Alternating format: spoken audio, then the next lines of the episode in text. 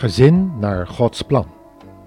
Welkom luisteraar in ons familieprogramma, dit keer over huwelijk en beroep.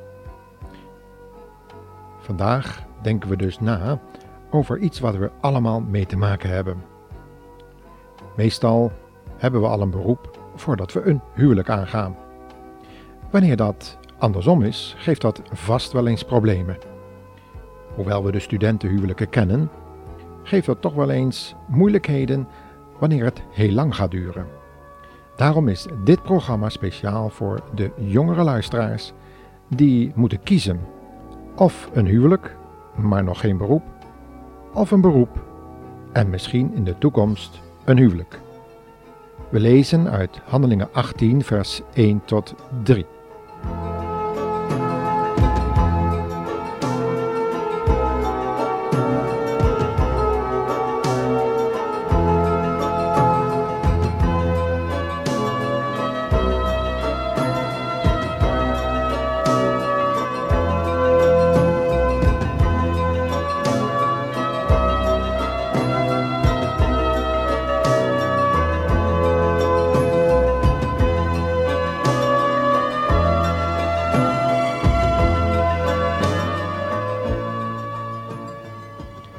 In een maatschappij waar man en vrouw moeten werken om aan de kost te kunnen komen, komt het nog wel eens voor dat het gezinsleven wat wanorde laat zien.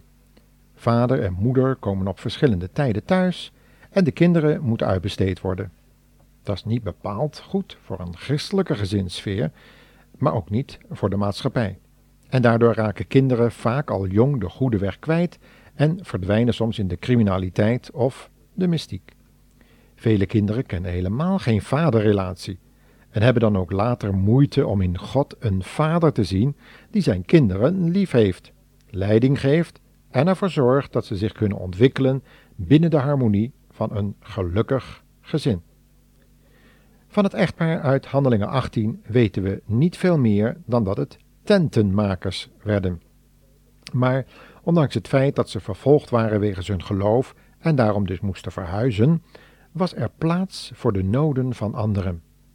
Zwervelingen, zoals de apostel Paulus er een was, die vanwege hun geloofsactiviteiten van stad tot stad trokken, werden er gastvrij opgevangen en van logies voorzien.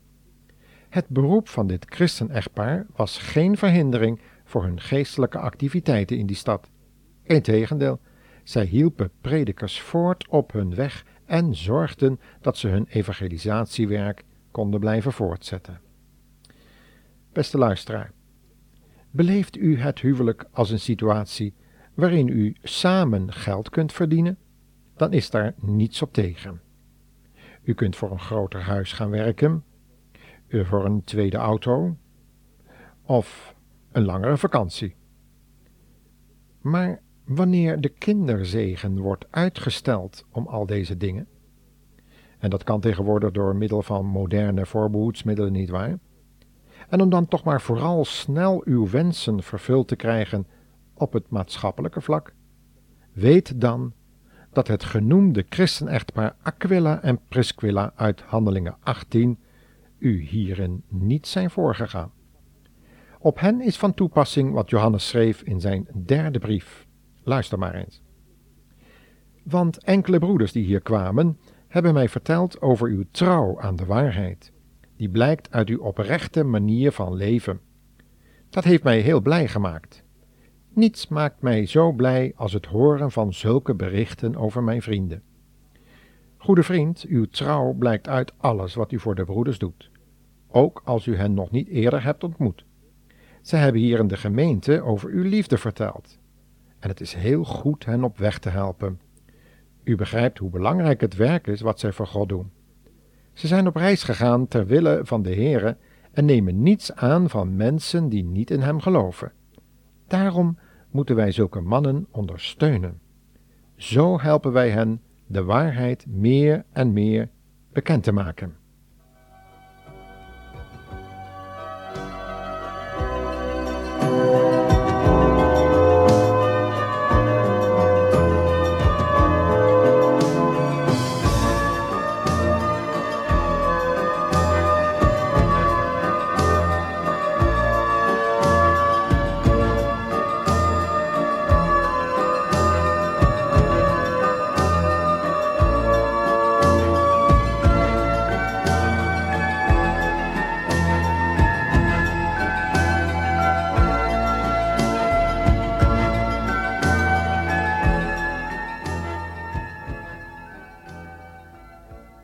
We zien dus dat het echtpaar Aquila en Priscilla hun hele huis openstelde voor de predikende Paulus en zijn metgezellen. Hoewel zij zelf nood kenden en ook helemaal opnieuw moesten beginnen vanwege de vervolgingen en hun gedwongen verhuizing, gaven ze de tentenmaker Paulus de gelegenheid om in zijn eigen onderhoud mee te helpen voorzien. Paulus was dus niet vies van handarbeid, hoewel hij een erge geleerde man was en gemakkelijk een ander beroep had kunnen kiezen. Overigens moesten mensen zoals Paulus met hun opleiding binnen het, uh, ja, de, de, de stelling van fariseïsme, moesten ze allemaal een beroep leren. Dat was in die tijd heel gewoon, zodat wanneer ze in allerlei moeilijke omstandigheden kwamen, tenminste in hun eigen beroep of omstandigheden konden voorzien. In Handelingen 20, vers 33 tot 35 heeft hij bij een bepaalde gelegenheid hierover het volgende gezegd. Ik ben nooit op zilver, goud of kleding van anderen uit geweest. U weet dat ik met mijn eigen handen de kost heb verdiend voor mijzelf en mijn medewerkers. Ik heb u daarom steeds laten zien dat wij door zo te werken de armen tot steun moeten zijn. Denk maar eens aan de woorden van de Heer Jezus. Hij zei dat geven beter is dan te ontvangen. Tot zover de apostel Paulus in het boek Handelingen. En dan nu een kort lied van de New Life, de Utrechtse Advent zanggroep, die sinds 1971 zich hebben geprofileerd als een mooie zanggroep en die voor Continental Sound het volgende lied hebben gemaakt. Verwacht je van de toekomst een hele hoop geluk of denk je dat het moeilijk gaat? onder een zware druk? Of leef je voor een huis, een auto of een goede baan? Verwacht je dat je leven toch niet meer lang door zal gaan? Heb je wel eens nagedacht over leven na de dood? Of kijk je soms niet verder dan je eigen dagelijks brood? En dan willen ze de oplossing geven van al die vragen en veronderstellingen door te vertellen en te getuigen dat het mogelijk is om echt geluk te vinden.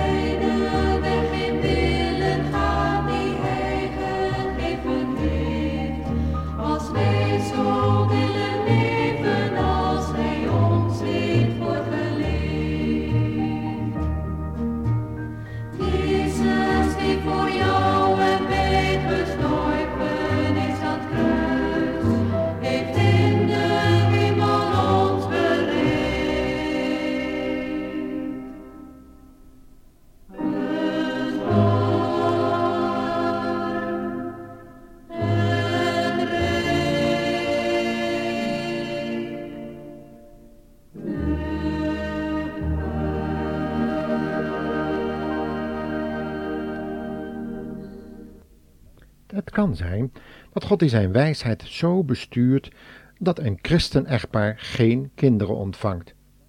Het kan zijn dat God in zijn plannen met zo'n echtpaar geweldige dingen op het oog heeft.